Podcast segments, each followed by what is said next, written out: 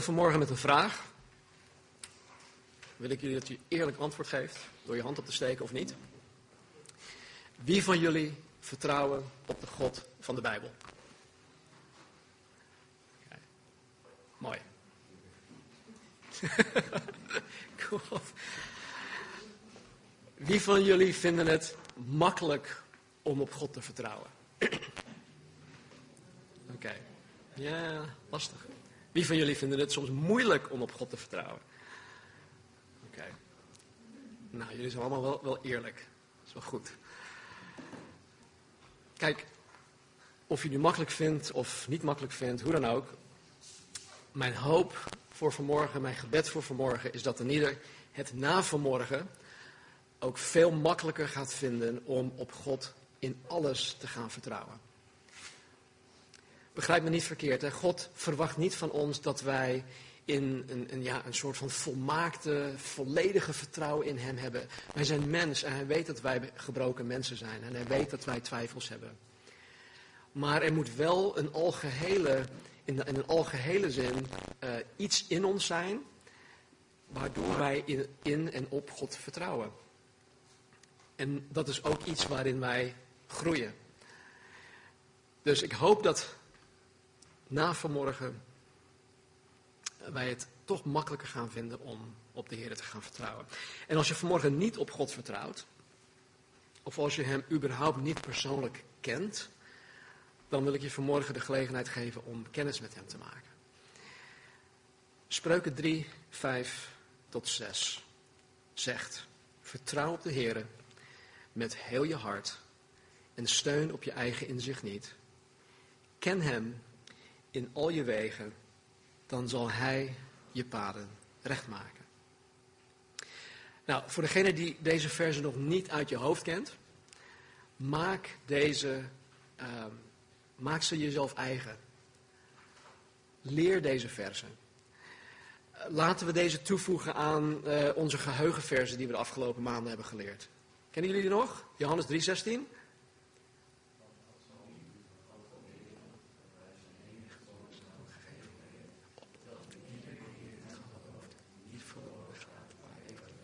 Yes, oké. En Psalm 119, 105, uw woord is? Yes, amen. Goed. Blijven oefenen, blijven herhalen. En nu ook deze.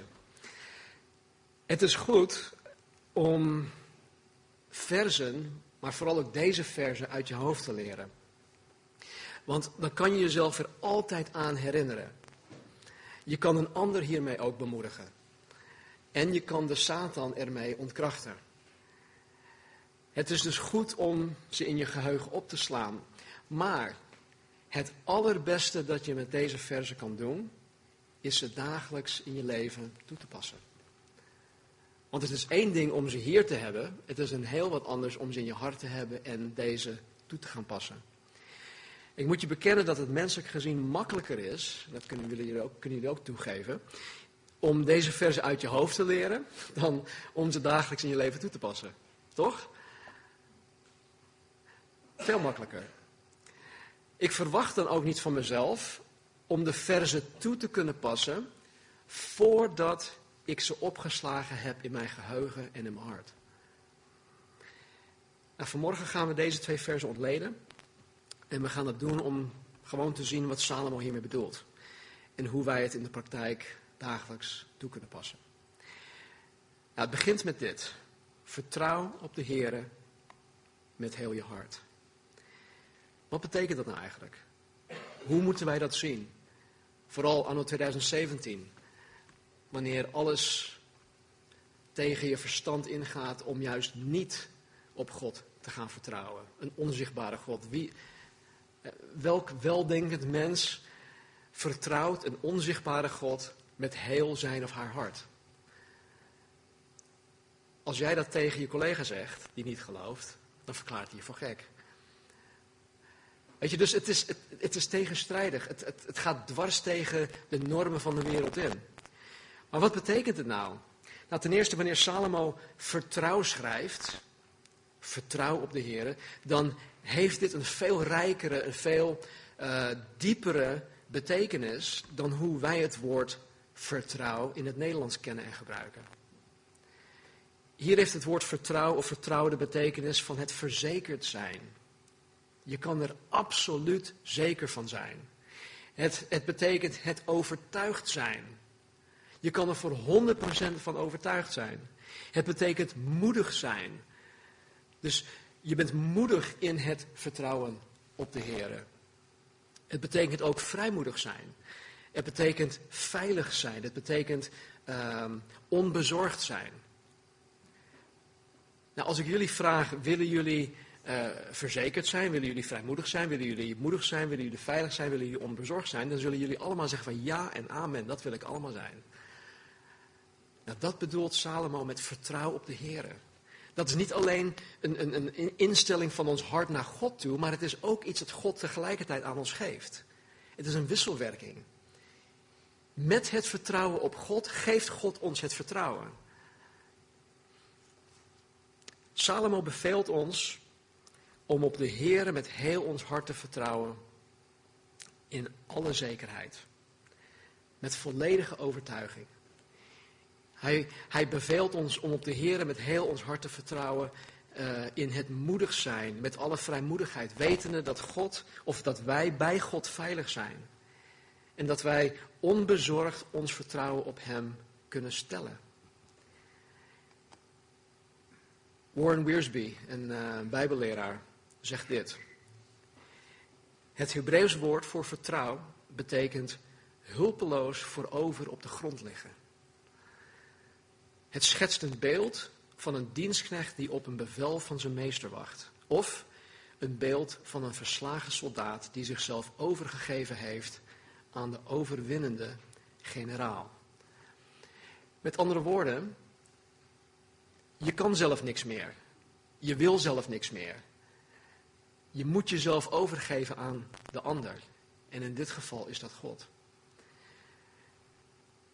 Op de Heer vertrouwen betekent simpelweg dat je zoals Petrus op het water loopt. En als, en als God je dan niet op het water staande houdt, dan verzuip je. Met andere woorden, het, het, het, is niet uit jezelf. Petrus liep niet op het water uit eigen kracht. God liet hem op het water lopen. En toen hij begon te zinken, greep God hem, greep Jezus hem om hem te redden. En dat is ook het, het vertrouwen op God.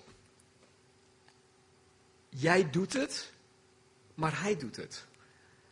Hetzelfde die wisselwerking. Wij moeten wel uh, de wil tonen, wij moeten wel die eerste stap zetten, maar vervolgens geeft God ons het vermogen om op Hem te gaan vertrouwen. Ten tweede schrijft Salomo om met heel je hart op de Heer te vertrouwen. Heel je hart.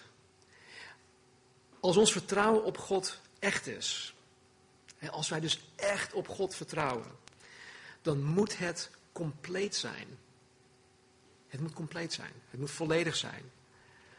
Want als wij voor de helft op God vertrouwen en voor de andere helft op onszelf of, op iets anders, dan vertrouwen wij uiteindelijk niet op God zoals de Bijbel het hier bedoelt. Het is niet een beetje van God en een beetje van iets anders. Weet je, Jacobus noemt uh, de double-minded man. Hoe zeg je dat? Um, ja, iemand die op twee, twee gedachten hinkt. Dankjewel. Dat kan niet. Je moet vastberaden zijn. Of helemaal op God te gaan vertrouwen, of helemaal niet. Wij horen niet alleen uh, compleet op God te vertrouwen, maar met heel ons hart. Ons hart. Ons hart is ons binnenste. Ons hart is uh, de zetel van onze gevoelens, onze emoties, onze gedachten. Het hart is de plek waarin onze overtuigingen gevestigd zijn. Wanneer ik dus met heel mijn hart op God vertrouw, dan kan niets of niemand mijn vertrouwen op God doen wankelen. Echt niet. Ik weet gewoon diep in mijn hart dat ik het eeuwig leven van God heb gekregen. 1 Johannes vers 5, hoofdstuk 5 vers 13 zegt ook dat wij die geloven die zekerheid kunnen hebben. Heb ik de hemel ooit gezien? Heb ik het, de eeuwigheid ooit gezien? Nee. Maar toch heb ik de volledige zekerheid dat ik dat heb. En, en wanneer je op God vertrouwt met heel je hart, dan kan niets of niemand jou iets anders vertellen. Met andere woorden, als jij voor een keus staat, of als je in als je in een situatie bevindt waarin tien andere stemmen zeggen je moet dit gaan doen, en de stem van God die zegt tegen je hart nee, je moet op mij vertrouwen, dan kunnen al die andere tien stemmen gaan roepen, maar je gelooft er maar eentje. En dat is de zachte, stille stem van God. Niets zal jouw vertrouwen op God doen wankelen. Al, al schreeuwen de omstandigheden het tegenovergestelde uit. Al adviseren welmenende mensen mij om van koers te wijzigen. Wanneer ik door de Heilige Geest geleid word om God met heel mijn hart te vertrouwen, dan zal God dat honoreren. Hij zal het doen. En hij zal me niet alleen uh, vanuit mijn kant het vertrouwen geven, maar hij zal mij ook de zekerheid geven. Dat dat goed is, dat het juist is, dat ik goed heb gehandeld. Dan verdwijnt de twijfel ook.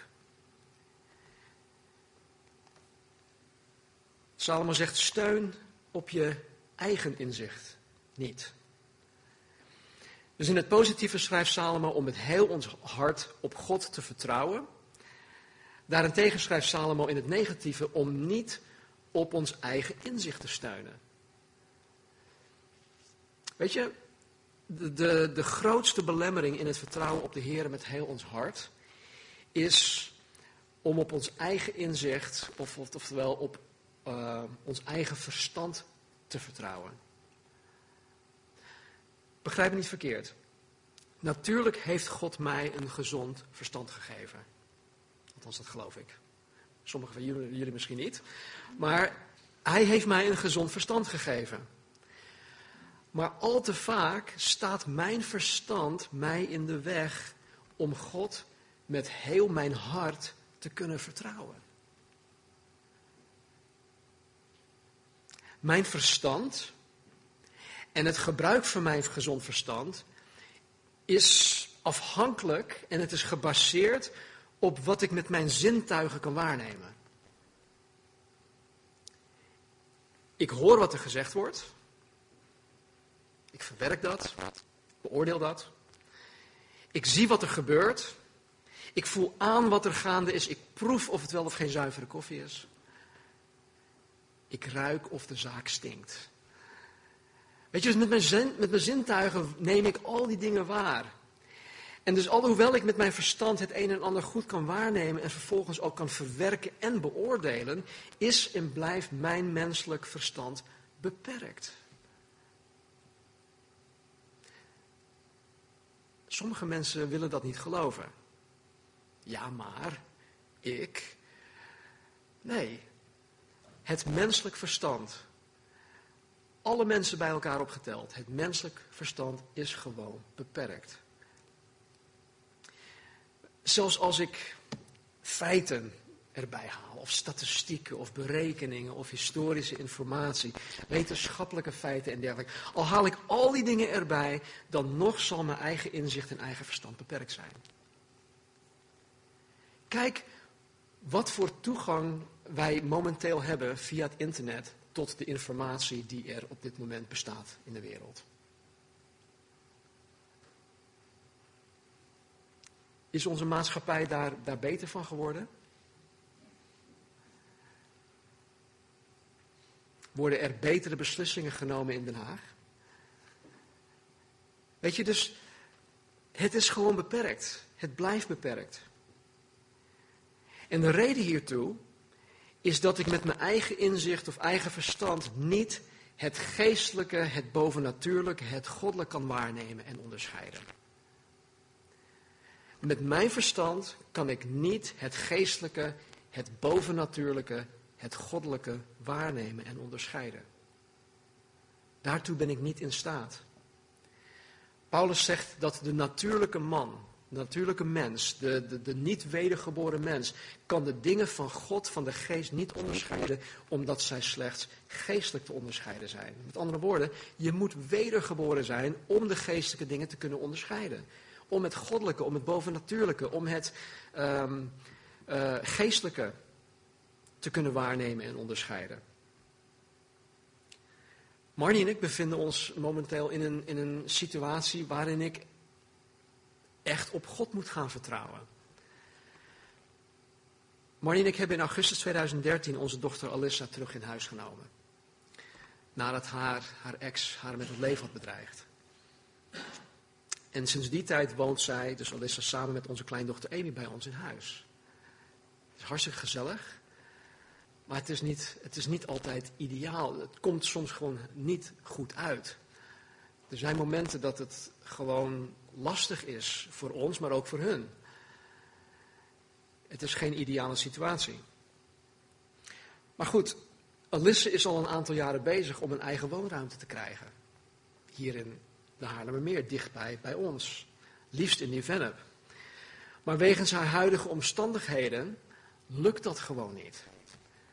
Dat heeft met inkomsten te maken, dat heeft met uh, andere dingen te maken. En het heeft vooral te maken met het feit dat wij haar in huis genomen hebben. Dus de gemeente denkt van, ja, nou die zit lekker bij de ouders thuis, wij hoeven niks te doen. Weet je, en dat is, dat is, dat is de gedachtegang erachter. Maar er is wel een manier. Er is wel een manier om haar haar eigen woonruimte te krijgen. Te laten krijgen. De sociale hulpverlener heeft Alissa aangeraden om op 1 september aanstaande met Amy uh, naar het gemeentehuis toe te gaan. Om aan te geven dat zij met haar hele hebben en houden door ons op straat gezet is.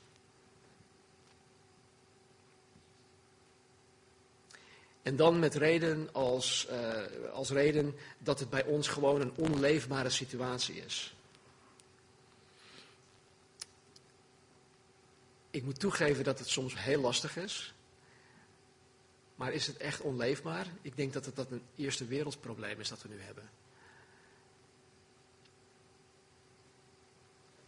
Weet je, Marnie en ik dachten dat dit qua timing goed samen zou vallen met de sabbatical die we gaan nemen. Want we dachten, weet je, dan kan ons huis lekker leeg staan. Er wordt er geen gas of elektriciteit of water meer verbruikt. Dus we besparen daar uh, kosten aan. Uh, wij overwogen dus om Alissa hierin gewoon haar gang te laten gaan. Omdat het, ja, het lijkt logisch. Wij worden door een gemeentebeambte geadviseerd om dit te gaan doen. Dus, het is een no-brainer. Maar de Heer sprak van de week heel duidelijk. Hij sprak tot mij en het kwam uiteindelijk neer op het wel of niet op Hem vertrouwen met heel mijn hart.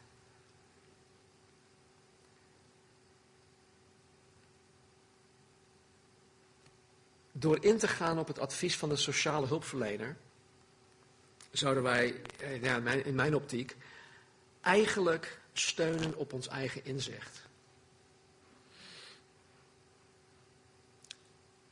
Want volgens hem is dit de enige manier waarop Alissa en Amy kans hebben om van de gemeente Haarlemmer meer hulp te krijgen. Volgens het systeem. Maar weet je, in, in dit voorstel van die persoon, hij heeft het heel goed bedoeld en ik waardeer het ook. Maar in dit voorstel wordt geen rekening gehouden met God. God wordt buiten beschouwing gelaten. Dit is een oplossing dat vanuit het menselijk inzicht uh, beredeneerd wordt. En als wij hierop ingaan, moet ik mezelf afvragen, vertrouw ik dan wel echt op God met heel mijn hart?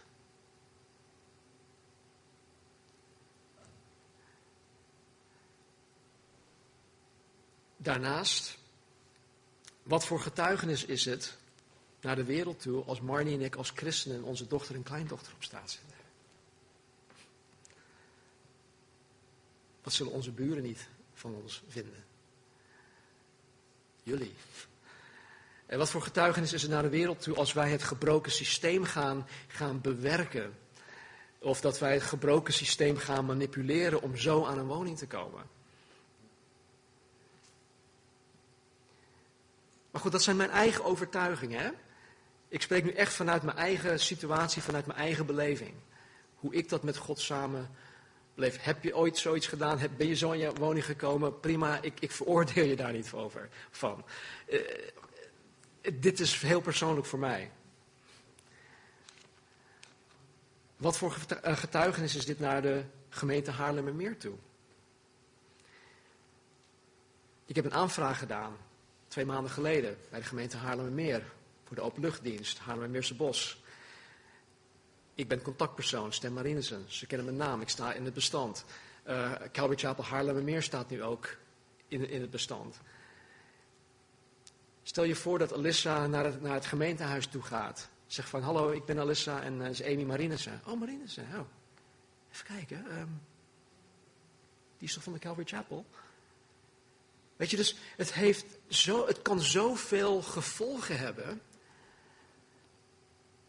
Als ik nu op mijn eigen inzicht ga vertrouwen of steunen. En niet op God met heel mijn hart vertrouwen. ik moet zeggen dat het wel, ja,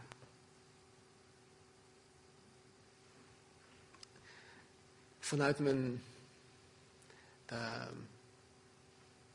het, het gedeelte in mij dat, dat, dat vatbaar is voor twijfel, uh, doet dat wel iets met je. Want ja, hoe lang gaat dit dan duren?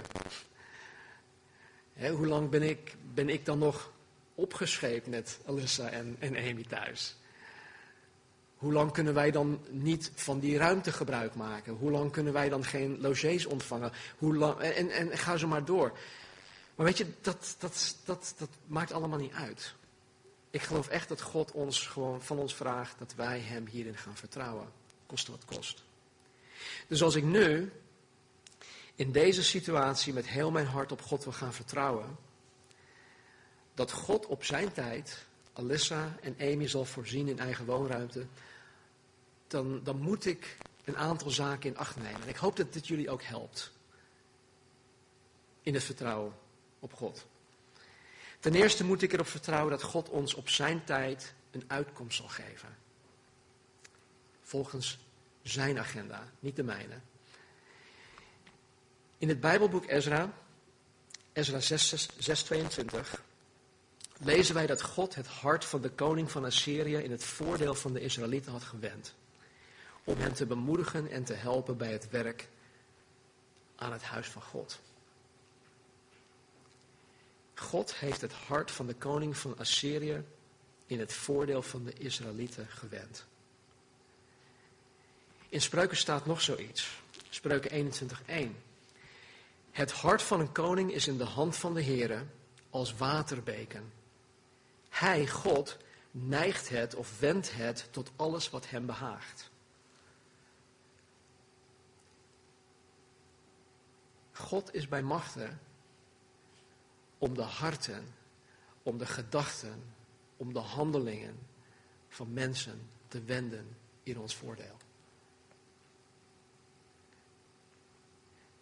Als je al langer met God wandelt en als je dicht bij God wandelt, dan weet je waar ik het nu over heb dan heb je het meegemaakt. En zoals het in Ezra en in Spreuken staat, moet ik het vertrouwen hebben dat God bij machten is om de harten, om de gedachten, de handelingen van de beambten te wenden in ons voordeel. Als hij van mij vraagt om op hem te vertrouwen, dan is hij nu aan zet om dit te doen. En het is niet zo dat dat ik die mentaliteit heb of die gedachte heb van joh, ik stop er een, eh, een, een, een kwartje in en ik verwacht eh, een 100 euro eh, eruit te vallen. Nee, het is gewoon een principe. God vraagt van mij, vertrouw op mij. Oké, ga ik doen, Heer. Wat u wil. U weet het.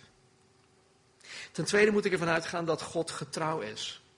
Dat Hij betrouwbaar is. Dat God gewoon te vertrouwen is. Hij is te vertrouwen. Ik zal een aantal versen voorlezen. Psalm 9, vers 11. Wie uw naam kennen, dus wie God persoonlijk kennen, zullen op u vertrouwen. Omdat u, heren, niet hebt verlaten wie u zoeken. God verlaat niet degene die hem zoekt. Degene die hem kennen, die weten van God dat zij op hem kunnen vertrouwen. Psalm 22, 5 en 6. Op u hebben onze vaderen vertrouwd. Zij hebben vertrouwd en u hebt hen bevrijd. Tot u hebben zij geroepen en ze zijn gered. Op u hebben zij vertrouwd en zij zijn niet beschaamd. Weet je, wanneer wij op God vertrouwen, zal Hij ons nooit um, beschaamd laten worden. Ik geloof met 100% zekerheid in, in de huidige situatie waarin Marnie en ik ons nu bevinden met Alyssa en Amy. Dat, dat wanneer God uiteindelijk uitkomst gaat bieden, dat niemand kan zeggen, ha, die God van jou, die heeft jullie toch maar lekker in de steek gelaten. nee, dat zal nooit gebeuren. God laat ons nooit in de steek. Wij zullen niet beschaamd worden. Jesaja 26:3, de standvastige. De standvastige is veilig bij u, God. Vrede is er voor wie op u vertrouwt. Vrede. Weet je, op het moment dat je jezelf overgeeft en zegt van nou, ik wil op God vertrouwen, en vertrouw op God met heel mijn hart, dan komt er ineens een vrede over je heen. Een rust. Probeer het. Daag God daarin uit. En ten derde dit. Als ik God in dit soort situaties met heel mijn hart wil vertrouwen, dan moet ik uitgaan van Zijn glorie. Ik moet uitgaan van Zijn verheerlijking. Dit is niet voor mezelf. Dit is voor Hem. Psalm 50, vers 16 zegt: Roep mij aan, spreekt God. Roep mij aan in de dag van benauwdheid. Ik zal u eruit helpen en u zult mij verheerlijken. Het gaat om de glorie en de verheerlijking van God. 1 Korinthe 6, vers 20. Paulus zegt, u bent immers duur gekocht. Verheerlijk daarom God in uw lichaam en in uw geest, die van God zijn. Het doel is om God te verheerlijken. En in 1 Korinthe 10, vers 31 zegt Paulus, doe alles tot de verheerlijking van God. Als ik dus allereerst denk aan het feit dat God mij op het beste moment uitkomst zal bieden. Als ik ervan overtuigd ben dat God getrouw is. Als ik Gods glorie en verheerlijking als hoogste doel van mijn leven heb. Al gaat het dwars tegen mijn eigen inzicht in, zal ik God in deze situatie met heel mijn hart gaan vertrouwen. Die drie dingen zullen je helpen om God te leren vertrouwen. Dus steun op je eigen inzicht niet.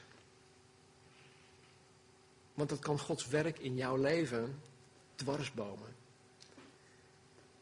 En het zal zeker je eigen geestelijke groei belemmeren. Nou, welke elementen van eigen inzicht zou ons in de weg kunnen staan om God met heel ons hart te kunnen vertrouwen? Ik heb een aantal dingen voor jullie. Logica. Ik hecht zelf veel waarde aan logica. Maar logica kan ons in de weg staan. Mijn manier van handelen is toch logisch? Het op God vertrouwen met heel mijn hart in deze situatie is toch niet logisch? Ik heb thuis zoiets, ja, dat is heel, heel stom. Maar thuis aan tafel, als er, als er iets, iets doms gezegd wordt of iets doms gedaan wordt, dan doe ik dit van. Is toch niet logisch? Hallo? Ik zelf hecht heel veel waarde daaraan. Maar het kan me in de weg staan. Gevoel. Weet je, ik, ik heb het gevoel dat ik het zus en zo moet, gaan, moet aanpakken. Ik heb niet het gevoel dat ik niets moet gaan doen en op God moet gaan vertrouwen met heel mijn hart. Ik heb niet het gevoel dat ik alleen maar voor moet gaan bidden. Ik moet toch iets doen? Of ervaring. Ik heb genoeg levenservaring en ik weet gewoon dat het zo niet werkt. Ik moet stappen gaan zetten. Ervaring leert dat. Mijn ervaring leert dat. Gezond verstand. Ja, maar God heeft mij toch een gezond verstand gegeven. Waarom zou ik mijn verstand opzij gaan zetten en niet doen wat mij verstandig lijkt? Om vervolgens het onverstandige te doen door God met heel mijn hart te gaan vertrouwen. Wat dacht je van opleiding? Of training, iets waar je gewoon heel thuis in bent. Op dit gebied ben ik voldoende opgeleid en getraind om zelf te kunnen bepalen hoe ik hiermee om moet gaan. Soms staat dat in de weg. Weet je, ik heb ehm, jaren geleden hadden wij een, uh, Volkswagen Golf GTI. En ehm, ik had door de jaren heen had ik wel wat, wat, wat technische kennis opgedaan. Omdat mijn vader, mijn vader die was uh, monteur, vliegtuigmonteur, ook uh, automonteur. Ik moest altijd helpen, daar baalde ik van, maar ik heel veel, heel veel van geleerd. En wanneer er iets fout, was met, iets, iets, iets fout ging met de auto. En ik had, een, ja, ik had het gediagnosticeerd, is dat het juiste woord? Ja. Dan wist ik, oké, dit is er aan de hand. Dus ik moet deze stappen gaan zetten om dat te verhelpen. Marnie zegt, ga, er, ga gewoon voor bidden.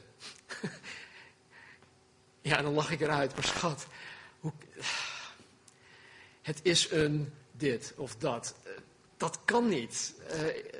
Maar weet je, tot mijn verbazing heeft God het tot meerdere malen toe toch op die manier gewoon opgelost. En dat gaat dwars tegen mijn verstand in. Zij zegt, joh, vertrouw gewoon op God, bid ervoor en, dan, dan, kunnen we weer verder. Verklaar het maar. Wat dacht je van opvoeding? Ik heb het van huis uit geleerd. Ik heb, het, ik, heb, ik heb van huis uit geleerd dat ik zelfstandig moet zijn. Dat ik voor mezelf moet opkomen, dat ik aan mezelf moet denken, enzovoort, enzovoort. Dus waarom zou ik me nu geheel overgeven aan deze onzichtbare God? En dan ook nog eens invloed van anderen. Weet je, vaak weten welmenende mensen het beter. En dan proberen ze je over te halen om het logische te doen, om je gezond verstand te gebruiken, om alles te doen behalve God met heel je hart te gaan vertrouwen.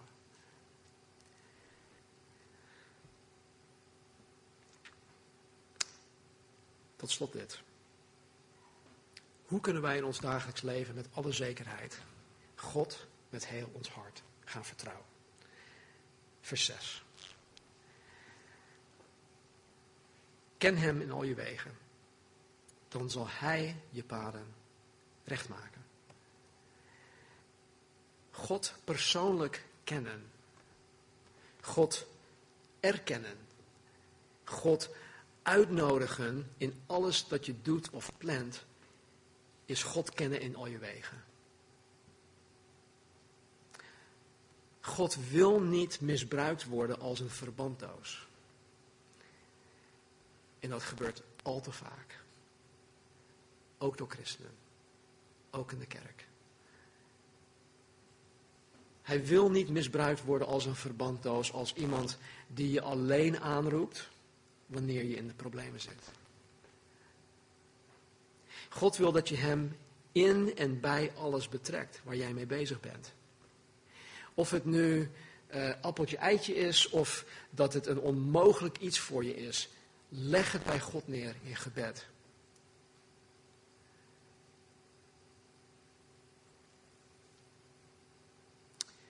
En wanneer je ochtends wakker wordt, luister dan niet naar jezelf. Knap het in je oren. Wanneer je ochtends wakker wordt, luister niet naar jezelf, maar praat tegen jezelf. Praat tegen jezelf. Spreek waarheid tegen jezelf. Overtuig jezelf dat God, of dat bij God niets onmogelijk is. Overtuig jezelf daarvan. Dat Hij, God, bij machten is om de harten van koningen in jouw voordeel te wenden. Overtuig jezelf van het feit dat God zichzelf krachtig wil tonen aan hen die, die Hem met heel hun hart oprecht zoeken. Dat is 2 Kronieken 16, 9. Overtuig jezelf dat jouw hoogste doel van de dag is om God in en door jouw leven heen te verheerlijken. Praat tegen jezelf. Spreek waarheid tegen jezelf. Luister niet naar jezelf. Dat lijkt tegenstrijdig.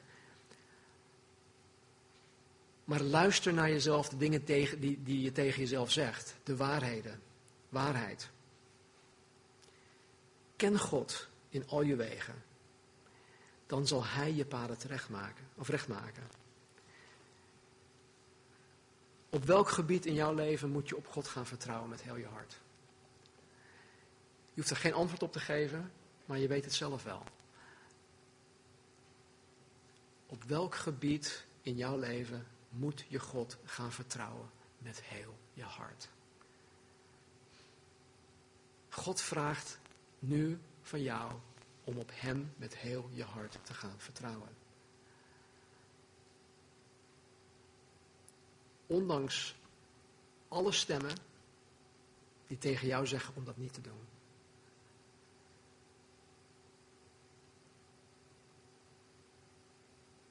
In welke situatie waarin je je nu bevindt, moet je op God gaan vertrouwen met heel je hart.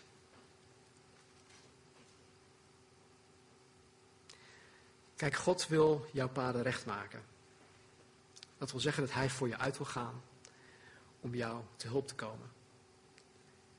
God wil voor jou knokken. God wil jou een uitkomst geven. En hij wil daardoor verheerlijk worden.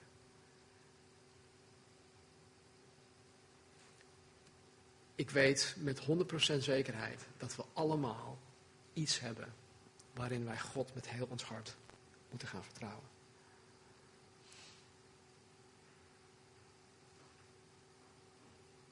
Dus laten we een moment nemen om tot God te bidden. Om dat ding of om die dingen bij God neer te leggen. Om Hem te vragen om hulp zodat je Hem met heel je hart daarin kan vertrouwen. En dan zal ik het afsluiten gebed.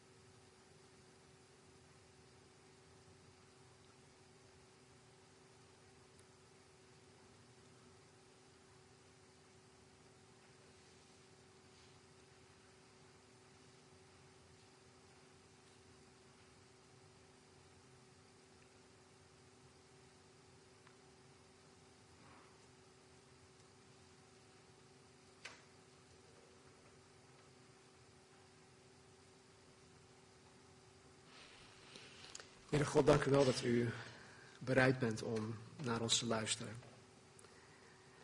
Dank u wel dat u ons vanmorgen oproept om op u te vertrouwen met heel ons hart. Om niet op ons eigen inzicht te steunen. Om u te kennen in al onze wegen. Opdat u onze paden recht zal maken. Dank u wel, Heer, dat u getrouw bent. Dat u te vertrouwen bent. En Heer, zoals ieder van ons vanmorgen iets aan uw voeten hebt neergelegd. Heer, geef en ieder van ons dan ook, alstublieft, Heer, het vertrouwen in u. Geef ons de rust, de vrede die u belooft. Geef ons, Heer, alles dat we nodig hebben. Om het niet terug te nemen, niet in eigen handen te willen nemen. Om niet op ons eigen inzicht te steunen maar dat wij leren leren, heren, om op u te gaan vertrouwen. Steeds meer en meer. Zodat u uzelf krachtig aan ons kan tonen.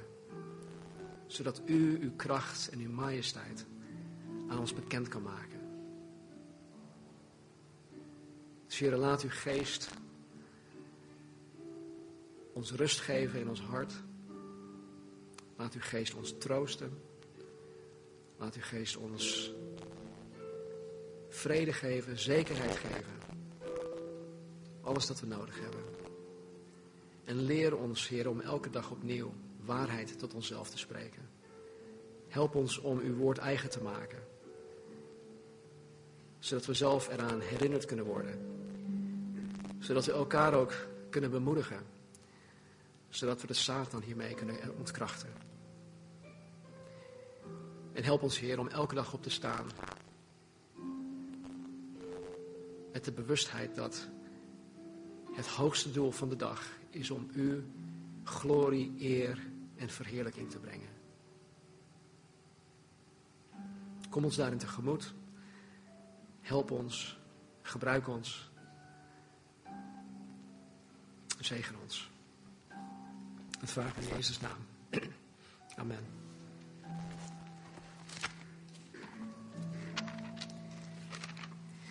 Ik wil afsluiten met een uh, psalm. Psalm 145.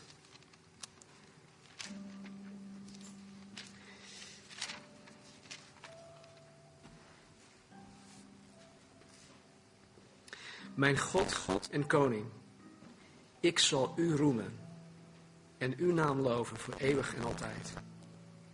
Iedere dag zal ik u loven en uw naam prijzen voor eeuwig en altijd. De Heer is groot en zeer te prijzen. Zijn grootheid is niet te doorgronden. Generatie op generatie zal uw werken roemen. Ze zullen uw machtige daden verkondigen. Ik zal spreken van de heerlijke glorie van uw majesteit en van uw wonderlijke daden. Zij zullen de kracht van uw ontzagwekkende daden in herinnering roepen. Uw grootheid, die zal ik vertellen. Zij zullen de mond doen overvloeien van de gedachtenis aan uw grote goedheid en vrolijk zingen van uw gerechtigheid. Genadig en barmhartig is de Heere, geduldig en groot aan goedertierenheid. De Heere is voor allen goed. Zijn barmhartigheid rust op al zijn werken. Al uw werken zullen u loven, Heere. Uw gunstelingen zullen u danken. Zij zullen de heerlijkheid van uw koninkrijk in herinnering roepen en van uw macht spreken, om de mensenkinderen zijn machtige daden bekend te maken. De glorierijke heerlijkheid van zijn koninkrijk. Uw koninkrijk is een koninkrijk van alle eeuwen. Uw heerschappij omvat alle generaties. De Heer ondersteunt allen die vallen. Hij richt alle gebogenen op. De ogen van allen wachten op u. U geeft hun voedsel op zijn tijd. U doet uw handen open en verzadigt al wat leeft, naar uw welbehagen. De Heere is rechtvaardig in al zijn wegen, goede tieren in al zijn werken. De Heere is allen nabij die hem aanroepen, allen die hem in waarheid aanroepen.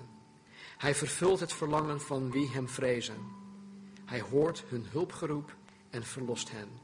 De Heere bewaart allen die hem liefhebben, maar hij vaagt alle goddelozen weg. Mijn mond zal van de lof van de Heere spreken. Alle vlees zal zijn heilige naam loven, voor eeuwig en altijd. Mogen dit een psalm van ons hart zijn en worden. Elke dag opnieuw. Psalm 145. Dus wees gezegend. We sluiten zo meteen nog af met een, uh, met een lied. Praat met elkaar hierover. Deel met elkaar de dingen waarin je op God moet gaan vertrouwen. Deel die last met een ander. En bid voor elkaar.